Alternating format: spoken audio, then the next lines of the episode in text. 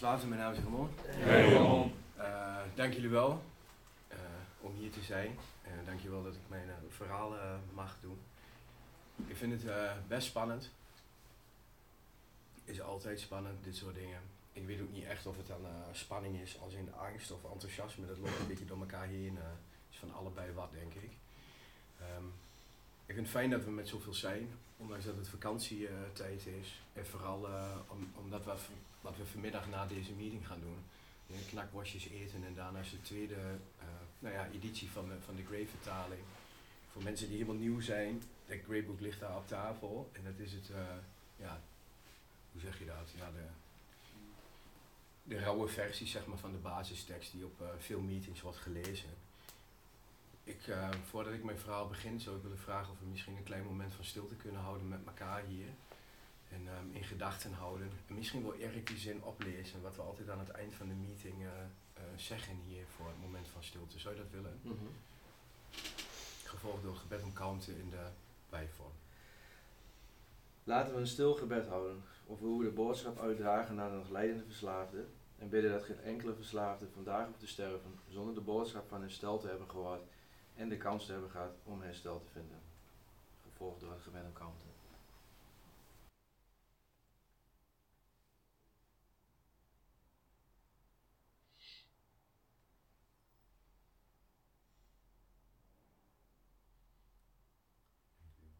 God.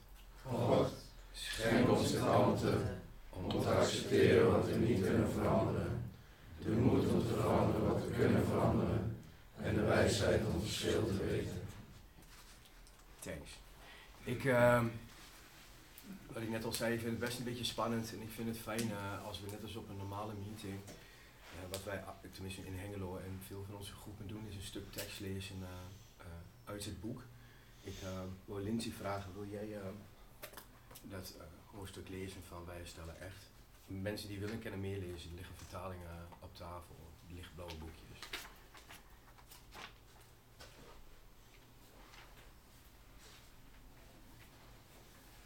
Wat voor onzin er ook uit mij komt, heb je in ieder geval een goed stuk literatuur gedaan.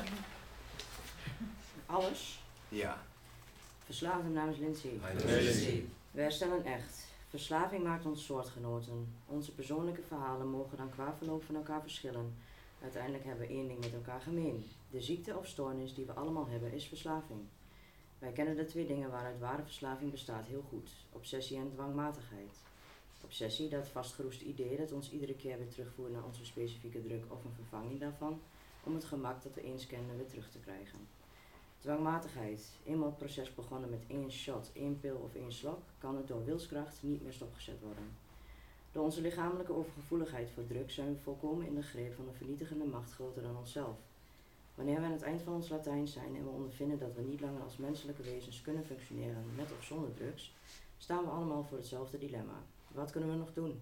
Er lijkt deze keuze te zijn. Of zo goed en zo kwaad als we kunnen doorgaan tot het bittere einde, gevangenissen, inrichting of de dood, of een nieuwe manier van leven vinden. Vroeger hadden zeer weinig verslaafden deze laatste keuze. Zij die vandaag de dag verslaafd zijn, hebben meer geluk.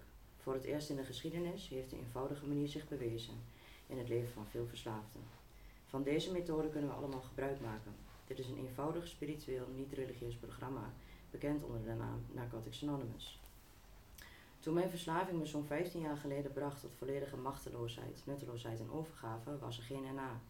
Ik vond AA en daar ontmoette ik verslaafden die in het programma ook de oplossing voor hun probleem hadden gevonden. We wisten echter dat velen nog steeds richting desillusie, ontademing en dood afzakten, omdat ze niet zich niet konden vereenzelvigen met de alcoholist in AA. Hun vereenzelviging was op het niveau van duidelijke symptomen en niet op het diepere niveau van emoties of gevoelens, waar empathie een helende therapie wordt voor alle verslaafde mensen. Met verschillende andere verslaafden en enkele leden van AA die veel vertrouwen in ons en in het programma hadden, richtten we in juli 1953 op wat we nu kennen als NA. Wij menen dat de verslaafde nu vanaf het begin die vereenzelviging kon vinden die hij nodig had om zichzelf ervan te overtuigen dat hij clean kon blijven, naar het voorbeeld van anderen die al vele jaren herstellende waren. Dat dit het meest noodzakelijke was, bewees zich door de jaren. Deze woordeloze taal van herkenning, geloof en vertrouwen, die we empathie noemen, schiep de sfeer waarin we tijd konden voelen, werkelijkheid konden aanraken en geestelijke waarden konden herkennen die lange tijd voor ons verloren waren geweest. In ons herstelprogramma groeien we in aantal en in kracht. Nooit tevoren zijn zoveel verslaafden die clean zijn uit eigen keuze en in ongedwongen samen zijn in staat geweest om bijeen te komen waar ze maar wilden om hun herstel te handhaven in volledige creatieve vrijheid. Zelfs verslaafden zeiden dat het niet zou lukken op de manier die wij bedacht hadden.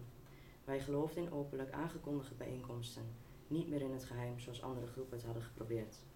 Wij geloofden dat dit verschilde van alle andere methoden die eerder waren geprobeerd door diegenen die langdurige terugtrekking uit de maatschappij bepleiten. Wij geloofden dat hoe eerder verslaafde, de verslaafde zijn problemen in het dagelijks leven onder ogen zou kunnen zien, hoe sneller hij een echt productief lid van die maatschappij zou worden. Uiteindelijk moeten wij op eigen benen staan en het leven zoals het is onder ogen zien, dus waarom niet vanaf het begin? Hierdoor vielen uiteraard vele verslaafden terug en velen waren geheel verloren. Velen bleven echter en sommige keerden terug naar hun tegens, uh, sorry, terugslag. De lichtzijde is het feit dat vele van diegenen die nu onze leden zijn, zich gedurende lange periode van drugs onthouden hebben en beter in staat zijn de nieuwkomer te helpen. Hun instelling, gebaseerd op de spirituele waarde van onze stappen en tradities, is de dynamische kracht die groei en eenheid in ons programma brengt. Nu weten we dat de tijd gekomen is dat die oude afgezaagde leugen, eens een verslaafde, altijd een verslaafde, door zowel de maatschappij als de verslaafde zelf niet langer getolereerd zal worden. We herstellen echt. Herstel begint met overgave. Vanaf dat moment wordt ieder van ons eraan herinnerd dat een dag clean een dag gewonnen is. In NA veranderen onze houdingen, houding, gedachten en handelingen. We gaan ons realiseren dat we niet wereldvreemd zijn en beginnen te begrijpen en te accepteren wie we zijn. Zolang de mens bestaat, is er verslaving geweest. Voor ons is verslaving de obsessie om drugs te gebruiken die ons vernietigen, gevolgd door een drang die ons dwingt ermee door te gaan. Volledige onthouding van drugs is de basis van onze nieuwe manier van leven. In het verleden was er geen hoop voor een verslaafde. In daarna leren we de eenzaamheid, woede en angst die verslaafden met elkaar gemeen hebben en niet kunnen controleren, te delen met anderen. Het zijn onze oude ideeën die ons in moeilijkheden brachten. We waren niet gericht op vervulling. We concentreerden ons op de leegte en waardeloosheid van alles. We konden niet omgaan met succes, waardoor falen een manier van leven werd. In herstel is falen slechts een tijdelijke terugslag in plaats van een schakel in een niet te doorbreken keten. Eerlijkheid, openheid van geest en bereidwilligheid om te veranderen zijn allemaal nieuwe houdingen die ons helpen onze fouten toe te geven en om hulp te vragen. We zijn niet langer gedwongen tegen onze ware natuur in te handelen en dingen te doen die we niet echt willen doen. De meeste verslaafden verzetten zich tegen herstel en het programma dat we met ze delen belemmert hen in hun gebruik. Als nieuwkomers ons vertellen dat ze door kunnen gaan met drugs gebruiken in welke vorm dan ook en geen nadelige effecten ondervinden, kunnen we hier op twee manieren naar kijken. De eerste mogelijkheid is dat ze geen verslaafden zijn. De tweede is dat hun ziekte hen nog niet duidelijk is geworden en dat ze nog steeds hun verslaving ontkennen. Verslaving en ontwenning vervormen rationele gedachten en nieuwkomers richten zich gewoonlijk meer op de verschillen dan op overeenkomsten. Ze zoeken naar manieren om de bewijzen van hun verslaving te weerleggen of zichzelf ongeschikt te verklaren voor herstel. Velen van ons deden hetzelfde toen we nieuwkomer waren. Dus wanneer we met anderen werken, proberen we niets te doen of te zeggen dat hen het excuus kan geven om door te gaan met gebruiken. We weten dat eerlijkheid en empathie essentieel zijn. Volledige overgave is de sleutel tot herstel en totale onthouding van drugs is het enige dat ooit voor ons gewerkt heeft. Het is onze ervaring dat geen enkele verslaafde die zich volledig heeft overgegeven aan dit programma ooit gefaald heeft in het vinden van herstel. En is een spiritueel niet-religieus programma. Elke verslaafde die clean is, is een wonder en het wonder levend houden is een voortgaand proces van bewustzijn, overgave en groei. Voor een verslaafde is niet gebruik een abnormale toestand. We leren clean te leven. We leren eerlijk te zijn tegenover onszelf en dingen van twee kanten te bekijken. In het begin is beslissingen nemen moeilijk. Voor, voor we clean werden, werd het merendeel van onze handelingen geleid door impulsen. Vandaag zitten we niet opgesloten in dit soort denkpatronen, we zijn vrij. In ons herstel vinden we het van wezenlijk belang om de realiteit te accepteren. Als we dit eenmaal kunnen, vinden we het niet langer noodzakelijk drugs te gebruiken in een poging onze waarnemingen te veranderen.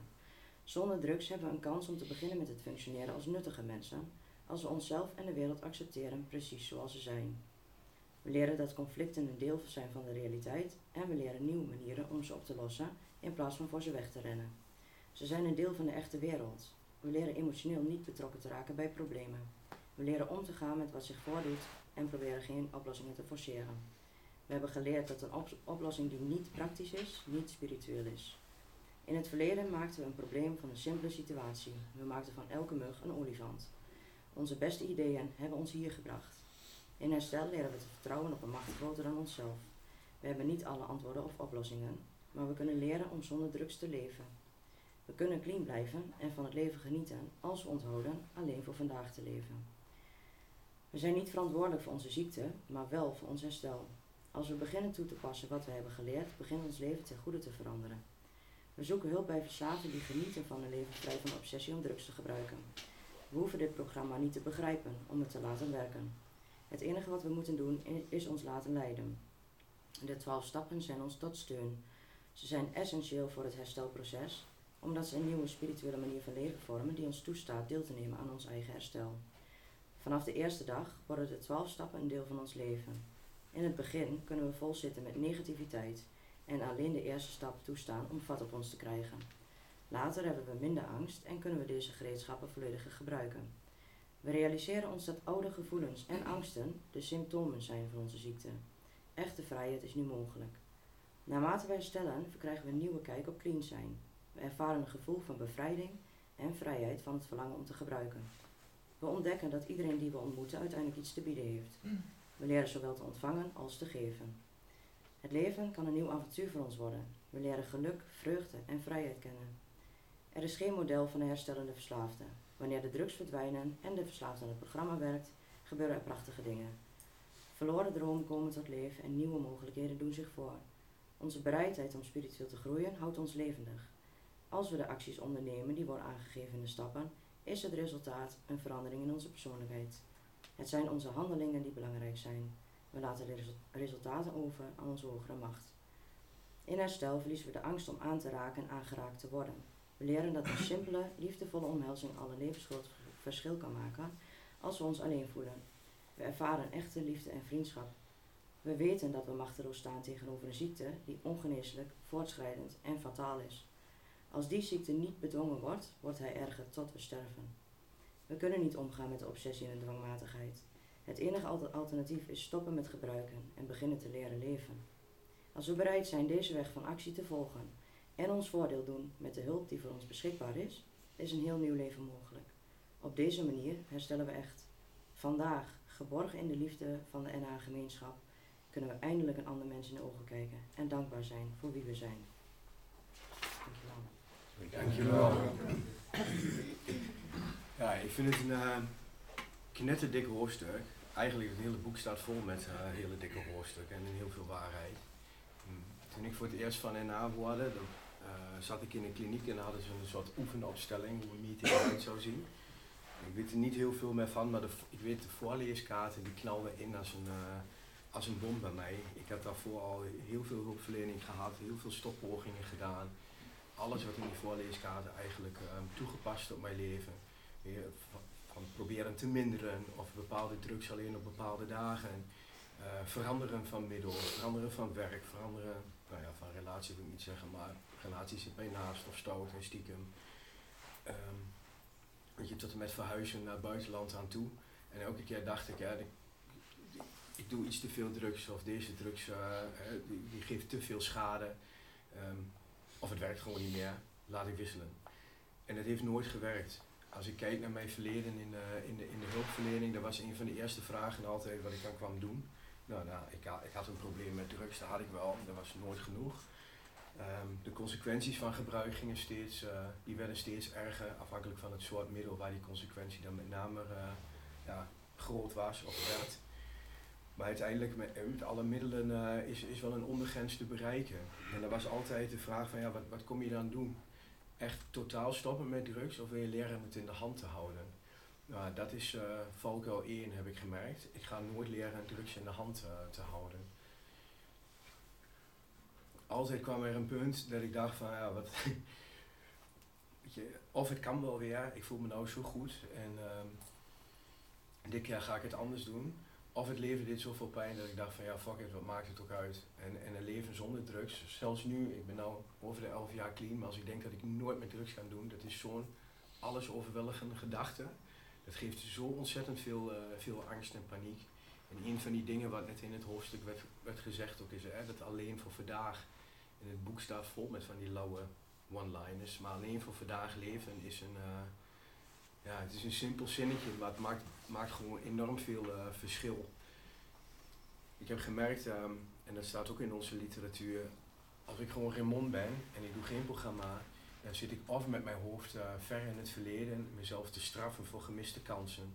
Of ik ben boos op mensen om me heen hè, voor de dingen die mij zijn aangedaan. Of waar ik denk van daar heb ik recht op en dat hebben mensen mij ontnomen of niet gegund of het was er gewoon niet. Of ik zit met mijn hoofd in de toekomst eh, en nou ja, dat gaat een tijdje goed. Dan fantaseer ik over leuke dingen, gezonde dingen, heb ik wensen, dromen. Ehm, maar als ik daar te lang zit, dan worden die dromen, die krijgen een, een, een, een randje of een franje en, en uiteindelijk uh, spiraalt dat gewoon de diepte in. En dan wordt het een alles overheersende angst. Beide, hè, die boosheid en die angst, zijn voor mij uh, voedingsbodem om op te gebruiken.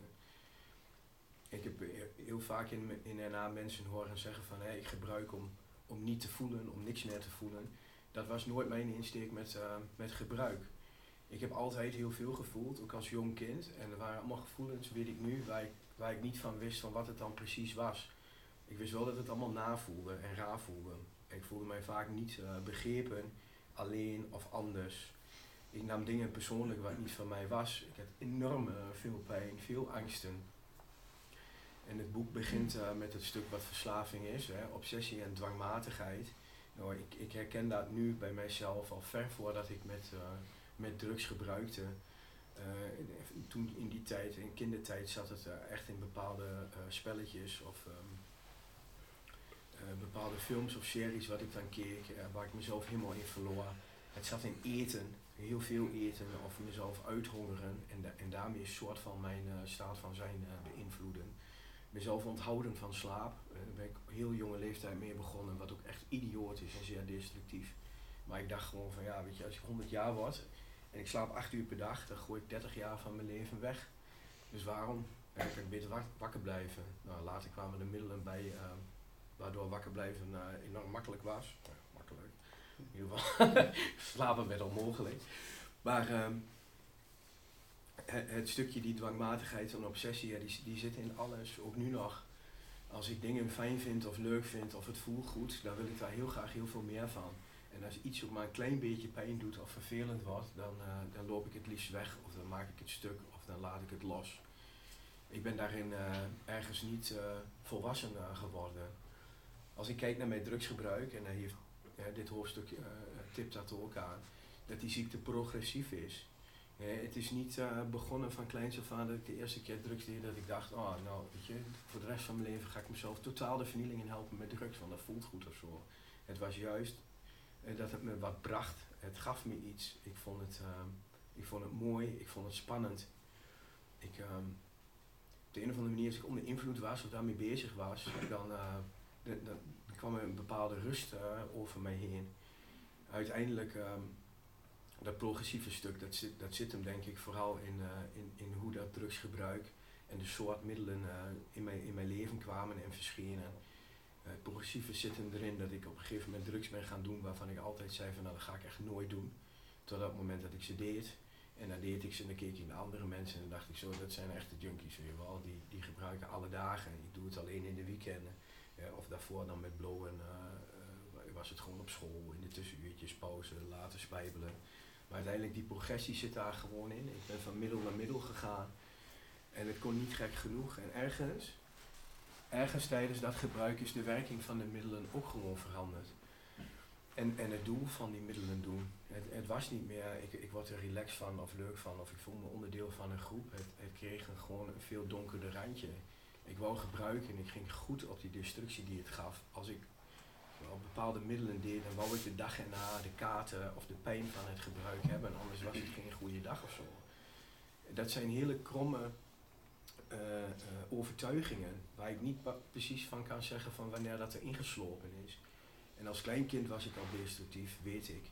En wat ik net aangaf met het eten en het slapen, maar ook met andere dingen. Uh, pijn is ook iets wat ik, niet spirituele pijn, daar ben ik echt onmiddellijk allergisch voor en dat wil ik het liefst vermijden. Maar fysieke pijn, lichamelijke pijn, om, om, juist om die spirituele pijn te verzachten of te handelen. Was me stoppen doorging en als ik weet je wel, niet, niet werd begrepen of als ik weer op mijn kop kreeg voor iets wat ik niet had gedaan of whatever, ik, ik wou dat niet voelen. En ook in herstel is dat heel lang nog en soms nu nog uh, een escape geweest, een manier om daarmee om te gaan. En dat is mezelf beschadigen en ik ben niet van het snijden, dat is niet, uh, hoe de ziekte zich op die manier manifesteerde in mij, maar wel mezelf slaan mijn slapen of tegen muren aan uh, trappen en slaan, dingen kapot maken, schreeuwen. Je dat gevoel dat ik gewoon mijn ribben uit mijn lijf wil trekken als het gewoon, uh, ja, het leven in het gezicht pist of zo. Ik was altijd enorm boos, van, vanaf zolang als ik weet op mijn ouders dat ik er was. Ik was boos op nou ja, het concept van God wat ik uh, had. Dat ik dacht van het is allemaal oneerlijk, het is extreem pijnlijk, het, het slaat nergens op. Miste van jongs af aan doel en richting uh, in het leven. Uh, ik wist nooit wat ik moest worden met mijn leven. Ergens kan ik, ja, ik durf wel van mezelf te zeggen, ik ben niet dom, ik heb verstand, heel veel dingen snap ik wel of kan ik leren. Um, maar het boeide niet of zo. Of ik wist in ieder geval niet welke kant ik op moest daarmee. Ik heb wel heel veel energie. En uiteindelijk heeft de ziekte ervoor gemaakt dat ik die energie vooral heb gestoken in het uh, ja, zo grandioos en zo groot mogelijk mijn leven vergallen. Met mijn leven uh, dat van de mensen om mij heen. En dat gaf ook altijd conflict. Want er is iets in mij dat wil altijd het goede doen. En die willen zijn voor mensen. En die wil uh, helpen. En er is een deel in mij dat bij het minste of geringste aangaat, ook nu nog, dat ik gevoelens krijg van wraak of wrok of haat. Ik, dat is een constante strijd. En ik probeer dat te ontwarren met dit, met dit programma. Ja, ik heb gemerkt, en iedereen weet dat, iedereen die in de meetings komt, die leest dat ook. Hè. Drugsgebruik is een symptoom van onze ziekte. Die dwangmatigheid, hè, dat we de hele dag met iets, uh, een obsessie, dat we de hele dag met iets bezig zijn. Dat het er is, dat het zo snel mogelijk op moet. Tenminste, dat, dat was voor mij altijd. En, en, en, en wij door meer halen, meer fixen, gaandeweg steeds gekker worden, steeds ziekere dingen doen onder invloed, uh, steeds ziekere dingen doen om aan uh, middelen te komen, steeds meer scheid aan mezelf, aan anderen, aan de consequenties. En of die dan lichamelijk waren. Um, nou ja, een voorbeeldje van mij, uh, bepaalde middelen die ik deed, dan, was het het hardste om te doen was om het in uh, vloeitjes te vouwen en door te slikken. En weer tot, tot aan bloedscheiden en psychoses naartoe. Maar ik kon er niet meer stoppen, ook al wou ik het. En iets in mij heeft altijd ervoor gezorgd dat ik wel ben gebleven. Ik had ook altijd een soort eindtijd wel voor mijzelf en elke keer verlegde ik die weer. En ik denk zonder gein, um, en dat stukje ben ik net vergeten te vertellen, maar op de basisschool had ik al een soort doodswens. Ik was suicidaal. Ik, ik, ik wist, ik ging dit leven niet, uh, niet volmaken. Ik was alleen op zoek naar het moment wat dan het moment zou zijn om eruit te stappen. Um, ik was daarmee bezig, ook obsessief. Daar stond ik mee op, daar ging ik mee naar bed. Hetzelfde dat ik obsessief was met hoe ik eruit zag. Elke ochtend als ik wakker werd en ik keek in de spiegel, had ik gewoon zelfhaat. En dat heeft in herstel nog heel lang uh, daar geduurd. En, en bij vlagen is het nu nog daar, maar het is wel uh, minder, omdat dingen nu lukken door het programma. Ik heb meer plezier en dingen zijn ontwaakt in mij. Een bepaalde zin om te leven ergens ook. Ik heb ook dingen waar ik het voor doe vandaag. En waar ik heel sterk voel waarvoor ik het doe. Dus ook waarom in meetings ga, nooit ben weggegaan. In ieder geval niet in de laatste jaren. Dat ik echt, echt heel veel moeite heb gehad met het leven. Velen weten dat hier wel. En de tijd uh, dat uh, de wereld uh, op de kop stond en, en, dat ons heel veel vrijheden zijn, zijn afgepakt.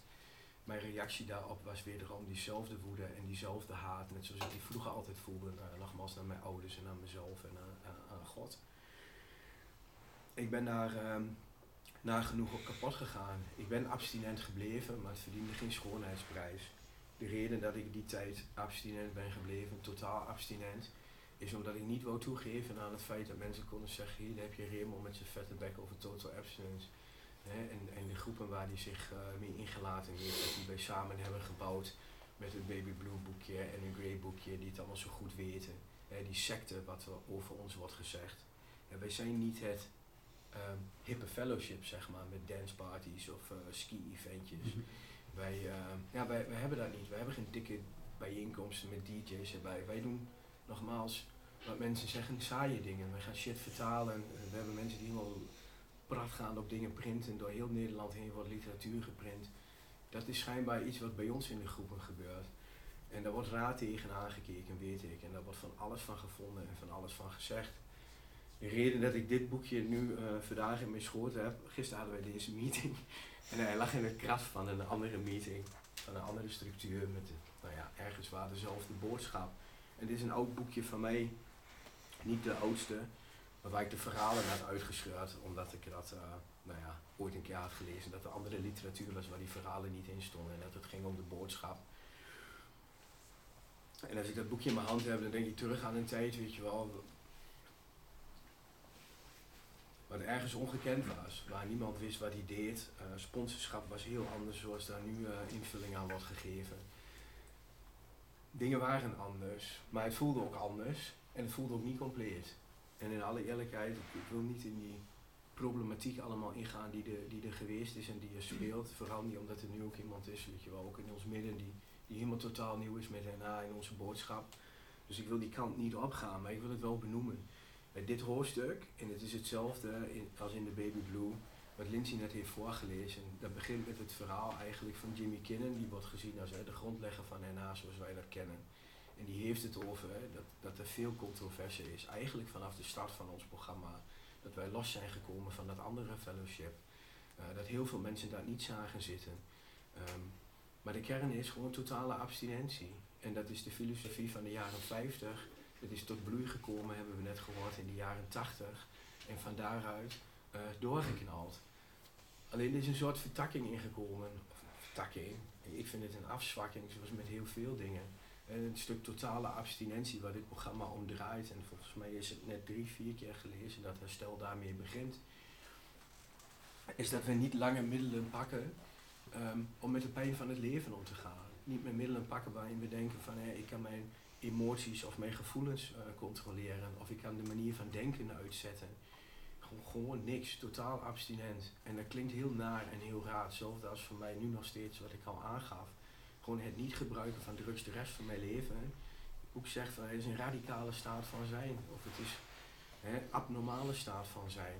Ik ben het zo gewend om, om alles wat ik voel en alles wat ik denk of te verdorven of proberen te sturen met middelen, ongeacht Weet je dan, of dat drugs is wat ik haal bij een apotheek of bij een, een nou ja, het kruidvat, mag ik niet zeggen. Hoe heet zo'n winkel? Drogist. Ja, anders blijft het aan mijn hoofd. Drogist.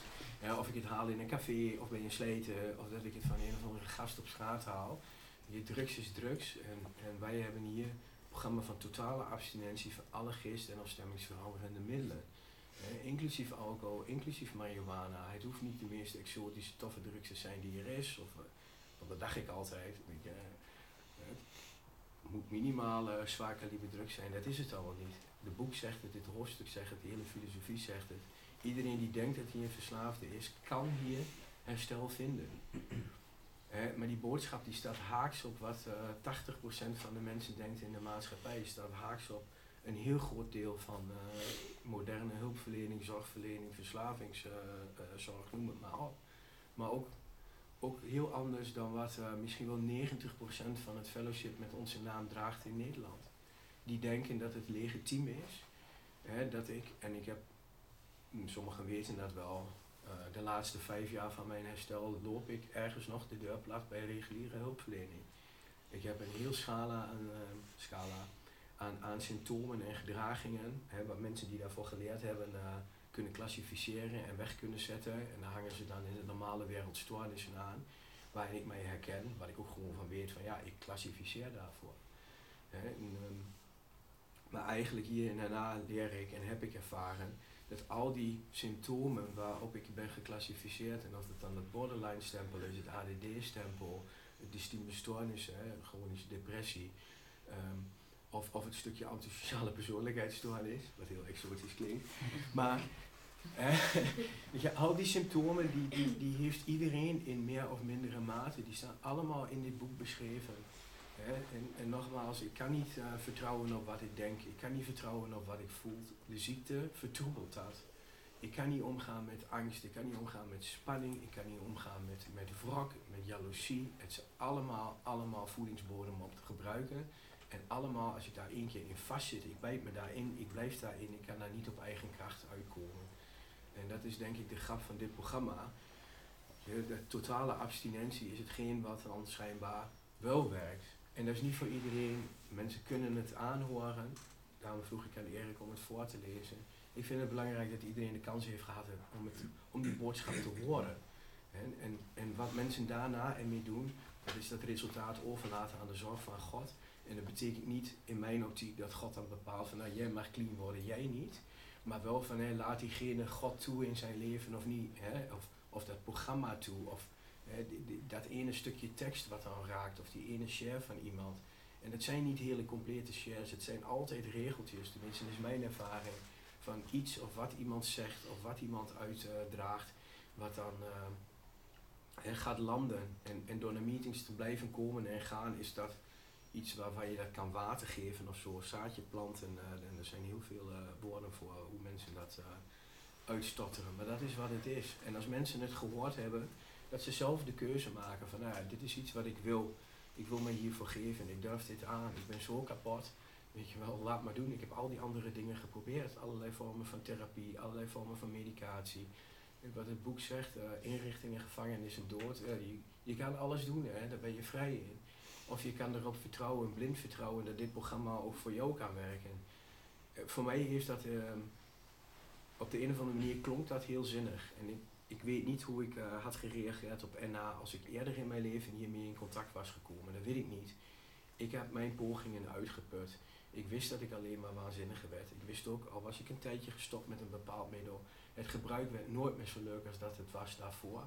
De werking van de middelen was, was anders. De enige reden dat ik hier zit, clean, is omdat uiteindelijk die drugs gewoon niet meer deden wat het, eh, wat het beloofde. Het gaf niet meer die verlossing, het gaf niet meer die bevrijding. Het zorgde alleen maar voor meer waanzin, meer pijn, meer destructie. En ik kwam er niet meer, ik kwam er niet meer rond. Pardon, er was een klein boertje. Misschien staat hij op band maar ehm, dit- dit is het programma en, en mijn vriendinnetje die shared dat altijd. En wij moeten zelf die diagnose stellen, ben ik een verslaafde? Het begint niet, dit programma, met oh ik leg alle drugs neer en ik zie wel wat er gebeurt. Of mijn leven wordt wonderschoon. Het gaat erom van of je je kan identificeren met het feit wat in dat hoofdstuk staat. Tenminste voor mij ben ik een verslaafde. En, en dan durf ik het aan wat, wat in die literatuur staat. En durf ik dat ook uit te dragen en daar te voor staan, weet je wel. Ik geloof, de enige reden waarom ik vandaag clean ben en God mij clean houdt en dit programma mij clean houdt, is omdat ik dat door kan geven aan andere mensen. En nogmaals, of andere mensen dat dan omarmen, of dat ze het aan de kant schuiven van nou dat is niet van mij, weet je wel, daar, daar ben ik machteloos over en dat is ieders eigen keus. Ik heb meer last, meer pijn, meer haat en verdriet en ik moet erover schrijven en blijven schrijven aan mensen die zogenaamd dit programma dan uitdragen, maar anderen in de weg staan, die totale vrijheid van die ziekteverslaving te ervaren. Doordat ze het enabelen, dat gebruik oké is. Niet bepaalde middelen per se. Van nou ja, weet je, want dat is ook wat veel mensen denken die schijnbaar bij het programma komen. Ik heb een probleem met straatdrugs, maar ja, die biertjes in het weekend wil ik niet opgeven. Of dat wijntje bij het eten. Of een ander die zegt van ah, als ik geen kook meer doe, als ik een stukje rook, is het leven prima prima als je daarvoor kiest, maar dat is niet wat wij hier doen. Als je hier komt, weet je wel, je kan dit omarmen. Maar als je dat gaat promoten, dan gaan mensen je na de meeting op een liefdevolle manier aanspreken. Van hey, misschien doe je er goed aan om, om je oren te openen, je hart te openen. Wat in dat hoofdstuk staat, die, die eerlijkheid, openheid van geest en bereidwilligheid. En hetzelfde geldt voor, voor mensen die, die medicatie hebben op gebruik voor geest- en stemmingsveranderende medicatie. En niet voor lichamelijke pijnen of eh, kwalen of eh, whatever. Maar gewoon om, om met die symptomen van de ziekte om te gaan. Met die, met die angst en die eh, gevoelens van eh, alleen zijn of hè, verbannen, verlaten, verstoten voelen. Angst voor het leven. Welke emotie ook, rouw, whatever. Er zijn zoveel redenen om te gebruiken. Als wij op meetings dat uitdragen dat het oké is dat die mensen die, die middelen blijven gebruiken, dan denk ik wij slaan dan de plank mis. En voor heel veel mensen, ook in NA, is dat heel onaantrekkelijk als dat, als dat gebeurt. En die denken ook dat wij mensen de dood injagen. De meest verschrikkelijke dingen zijn over ons gezegd. Ik weet dat dat op altijd bij onze meetings op een respectvolle manier wordt gezegd. We hebben zoveel mensen, ook hier als ik de kamer rondkijk, zoveel mensen die, die gaandeweg tot inzicht zijn gekomen, hun cleantijd hebben bijgesteld. Ergens trots ego aan de kant hebben gezet, iets super radicaals doen. Hè, want een counselor of een familie of, of andere fellows hebben gezegd, nou, waarom zou je vier jaar cleantijd in en na weggooien omdat je nu bent gestopt met je antipsychotica of met je antidepressiva of met je slaapmiddel of je ADHD-medicatie, whatever. Die zetten dat aan de kant en denken, oké, ik heb dan op papier minder cleantijd, maar dit is wel echt En ik geloof in dat echte. En, en niet in een verdunde of verwaterde boodschap. Ik wil mijn drugs niet versneden hebben, ik wil herstel niet versneden hebben. Voor sommige mensen is dat um, onaantrekkelijk op de een of andere manier. Maar ik denk iedereen die die, die middelen heeft of daaraan verketterd is, of, hè, die, die weet ergens wel. Ik wist ook altijd als ik in de spiegel keek en ik had uh, uh, middelen. Ik weet wanneer ik onder invloed ben. Ik weet wanneer ik uh, kantjes eraf loop of kijk naar een zachtere, softere manier. En uiteindelijk weet ik ook dat die er niet is. En in alle eerlijkheid, als ik naar mezelf kijk en wat van medicatie of wat van gebruik ik ook zou doen, ik kan mij vinden in die boodschap. Ik kan het over langere tijd niet in de hand houden. Ik ga er sowieso mee knutselen en stuntelen. Of ik neem het niet op de gezette tijden, of ik spaar het op, of ik neem het een tijdje niet en ik neem extra zodat het er wat harder inknalt. Dat is wat ik ga doen. Ik ga niet op de dingen vertrouwen, uh, mijn denken en mijn gevoel, omdat dat vertroebeld is door de ziekte standaard, dat ik eerlijk ben. Mijn lichaam creëert meer pijn. Of dat nou lichamelijke, fysieke pijn is, of spirituele, geestelijke, emotionele pijn. Weet je wel, dat is wat. Alles als die gebruik weer onderdeel wordt van mijn leven, als ik weet van ik kan mijn staat van zijn beïnvloeden met een middel, dan, dan ga ik daarmee aan de haal. Hetzelfde dit is zo'n grapje toch? Van, ja, wat als er één pilletje was wat verslaving zou oplossen? Zou je dan dat pilletje nemen? Ja, ja, ik denk het meest logische antwoord is, ja, doe er maar zes. En ik weet niet hoe jullie dat hebben, maar dat, dat is toch gewoon hoe het werkt. Ik zou nooit stoppen met drugs als ik het in de hand kon houden. Ever. En tegelijkertijd weet ik dat zolang als ik, en het staat ook in dat boek, zolang als mijn geest en mijn lichaam vertroebeld zijn door, door wat van gebruik en ook, wat van middel ook, ongeacht wie het voorschrijft of uitdeelt of geeft of waar ik het koop of, uh, of ik het bij elkaar werk of bij elkaar pijp, maakt niet uit. Weet je wel. Het, het staat ook altijd tussen mij en God in. Daar, ben ik van overtuigd. Daar is zo'n troebel, troebelveld, een, een mist of een fog of welke naam je daar ook aan geeft. Een sluier. Het kan er niet in. Op dat moment is altijd dat bepaalde middel of een vervanging daarvan eigenlijk mijn hogere macht. Als ik, als ik mij erbij neerleg en mijn, mijn eigen brein geloof, en ze hebben mij in de laatste vijf jaar uh, uh, hulpverlening het vuur heel naar aan de schenen gelegd. Dat was een hele strijd.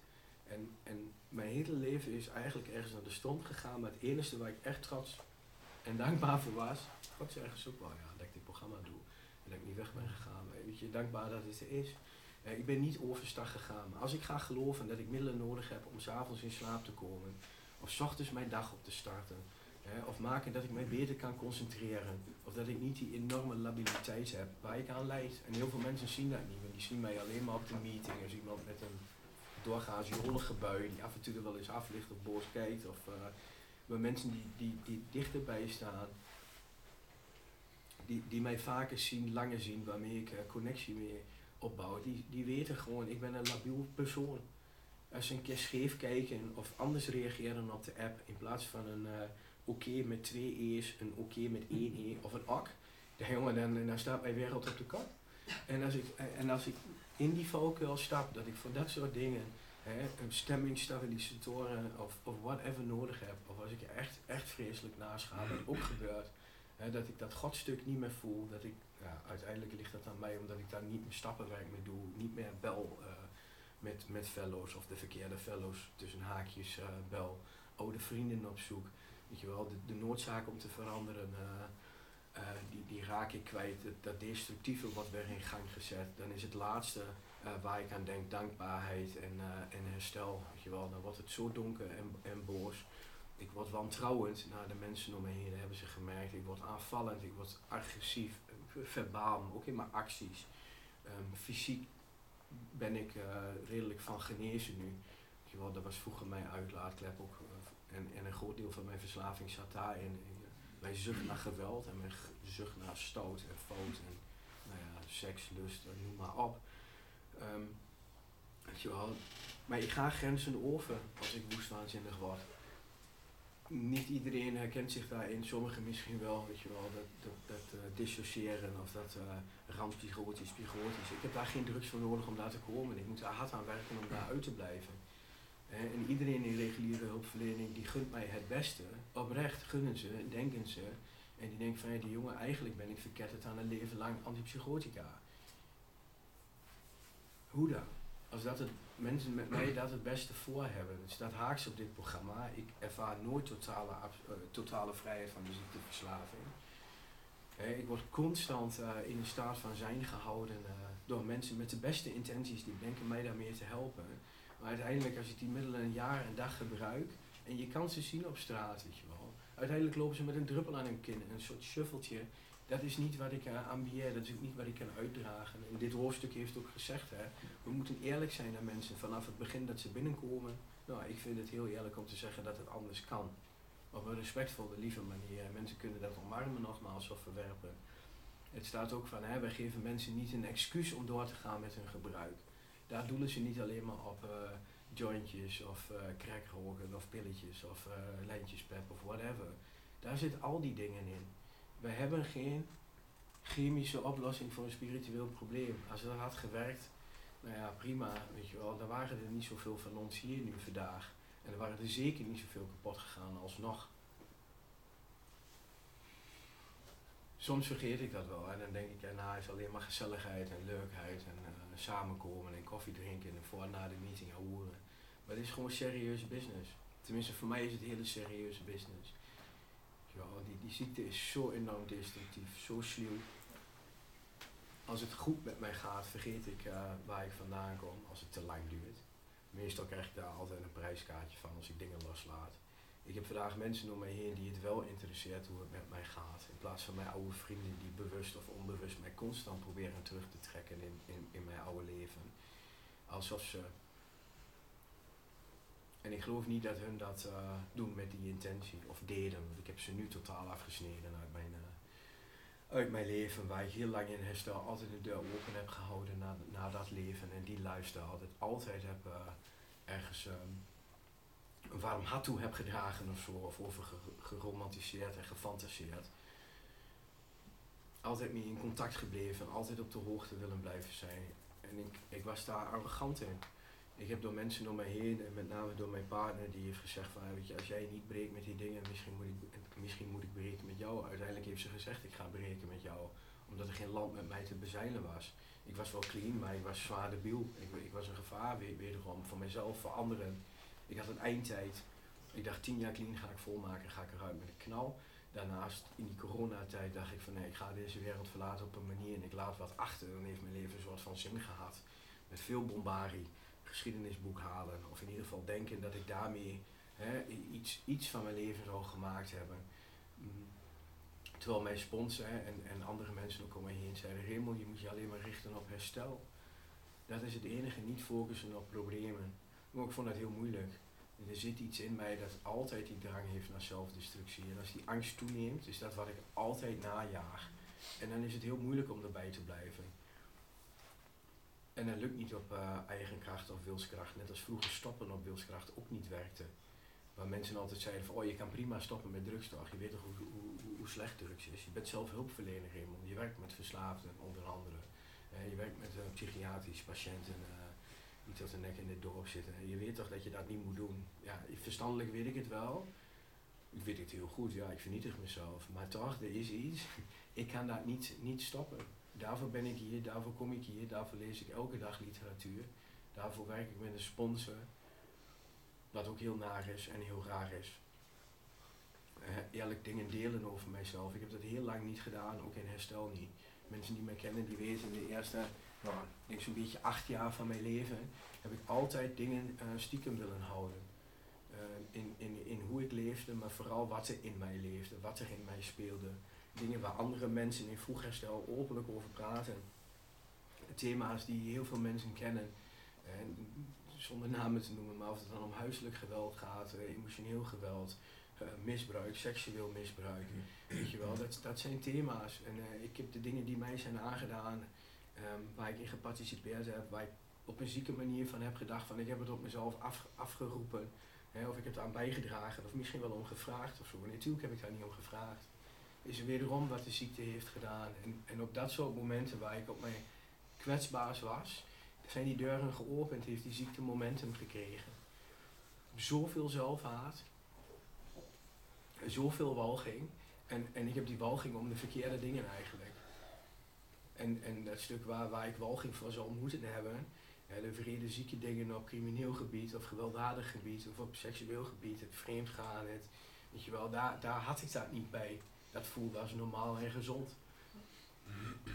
Ik wachte van mezelf dat ik niet, nooit mijn mond heb opengedaan over dingen die mij, eh, die mij zijn aangedaan. Dat ik dacht dat ik daarmee weg kon komen in herstel door stil te zijn. Terwijl ik een sponsor heb die er openlijk over deelt. Terwijl ik mensen in mijn homegroup heb en in mijn sponsorschaplijnen heb die daar gewoon open over praten.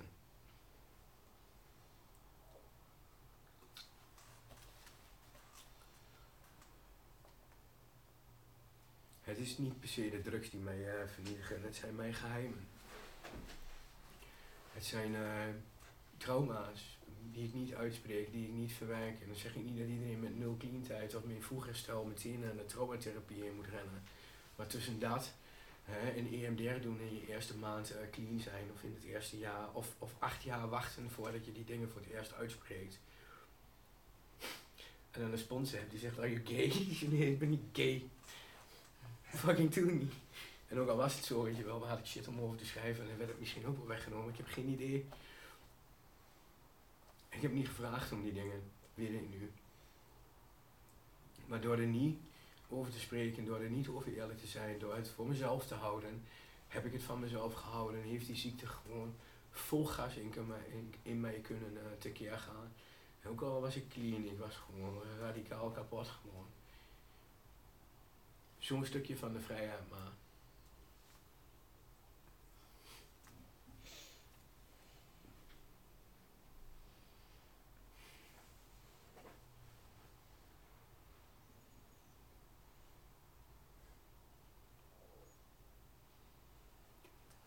Vandaag om een beetje positief af te sluiten. Ik heb, ik heb een leven dat zo anders is dan. En het boek zegt dat ook en belooft dat ook. Dat de dromen uh, die we vroeger hadden en die, die we hebben afgekapt. Bepaalde wensen of verlangens, wat, wat nooit zou, zou kunnen gelden voor ons. Die dingen, daar, daar begin ik nu van te proeven, van te ruiken. Ik heb een geweldige band met mijn dochtertje. Geeft ook veel angst en spanning ik heb, ik heb een relatie waarin ik uh, trouw heb beloofd en diegene mij trouw heeft beloofd. Um, wat in en na is, ik heb geen, um, hoe zeg je dat? Niet meer de drang om levens uh, gescheiden te houden of overal een klein beetje van Remond te laten zien. Ik probeer overal dezelfde Remond te zijn. Ik, ik stel mij open naar nieuwe dingen. Wat ik net zei, die, die, die zelfhaat die ik altijd heb gehad en die walging als ik in de spiegel keek en na twee minuten later ook heel arrogant kan zijn, maar dat is zijde en die, die afwisseling daarin. Maar dat stukje is, is, wordt, wordt steeds meer weggenomen. En er zijn dagen dat het er niet is en dat ik uh, je fluizend of neuriënd uh, opsta. Zo anders dan waar ik vandaan kom. Je zin in het leven, zin in nieuwe dingen doen, gekke dingen doen. Mijn vriendin of vrouw, nee ja, verloofde, ik weet niet hoe ik het. Uh, die houdt een lijstje bij en, en zij heeft mij gekold op 50 dingen waarvan ik zei van die ga ik nooit doen, die ik heb gedaan nu. En er zijn hele sneuwe dingen bij man, als in een shirt of zonder shirt bij een zwembad zitten. En zonder gel naar een winkel ingaan, weet je wel. Ja, het gaat helemaal nergens over. En als mensen dat horen, hè, misschien moet de helft lachen. I don't care man. Het is van mij, het zijn dingen uh, wat, mij, wat mij gevangen heeft gehouden. De grootste gevangenis was gebruik. Maar, maar daarnaast, wat werkelijk de gevangenis is, wat elke keer terugbrengt naar gebruik. En wat terugbrengt naar die zelfdestructie, dat is de volle ziekte. En ik, ik hoop dat mijn share bijdraagt aan mensen, hè, dat ze deze boodschap horen en dat ze dit willen proberen, een kans geven. En proberen is niet dat je een week in een sponsor zoekt en al je diepste geheimen deelt. Proberen is gewoon naar meetings heen gaan. En als je nog in gebruik bent, straatmiddel of whatever, of op recept inderdaad, gewoon blijven gaan naar de meetings. Dan vraag je alleen niet te sharen, niet om je te straffen, maar gewoon om er te zijn. Laat het op je inwerken en de tekst, de dingen wat gedeeld wordt. Je zit met een om je heen, weet je wel, die, die zoveel hebben meegemaakt, al zoveel hebben doorstaan. Sommigen met een week clean, sommigen met jaren, jaren. Fucking binnenkort komt onze sponsor over te gek, weet je al 40 jaar, 45 jaar, 43 jaar, ik wil, er vanaf zijn. 43 nog meer, ik. Bijna zolang als ik leef. die teruggaat naar het begin in de tijd eh, dat, dat die basic tekst of die grade werd geschreven. Dat stuk tekst wat vertaald is door van de homegroep, wat we vanmiddag in groepjes uh, gaan behandelen. Ja, laat het op je inwerken. Luister die podcast allemaal, Engels en Nederlands op de website. Dat is beer. maar weet je wel, er staat zoveel in, ook in al die literatuur, alles wat op de tafel ligt. Bij ons is het gratis, je kan het gewoon meenemen. Er zit bloed, zweet en tranen in van mensen hè, van nu en van, van decennia terug. Dat je de groep betaald had. Je kan het pakken, je kan het lezen. Het is allemaal aan diegene zelf. Ik kan het niet forceren, ik kan het bij niemand in de strot drukken. Maar geef jezelf die kans. Ga gewoon naar meetings, blijf gewoon komen. Ik weet zeker als je hier blijft komen en uh, wat, wat je middel ook is, wat je gebruik is, hoe kut je het leven ook vindt, ja, dat, dat, dat kleine beetje hoop gaat uh, uh, body krijgen, gaat groeien. Totdat je de band krijgt om inderdaad te denken van ik ga iets heel onnatuurlijks, heel radicaals doen. Ik ga totale abstinentie proberen. Het zeggen van en nou, het is het laatste huis van het blok. Nou, het, zo voelt het. Als je al die dingen hebt gedaan en niks meer werkt, weet je wel, dan denk ik dat dit het makkelijkste werkt. Maar kom je eerder en heb je een drugsprobleem, denk je dat je een drugsprobleem hebt, kan het ook al werken.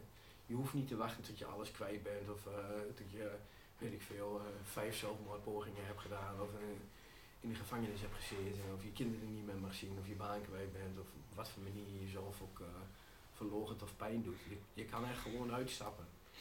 Er is een hand hier en die kan je pakken.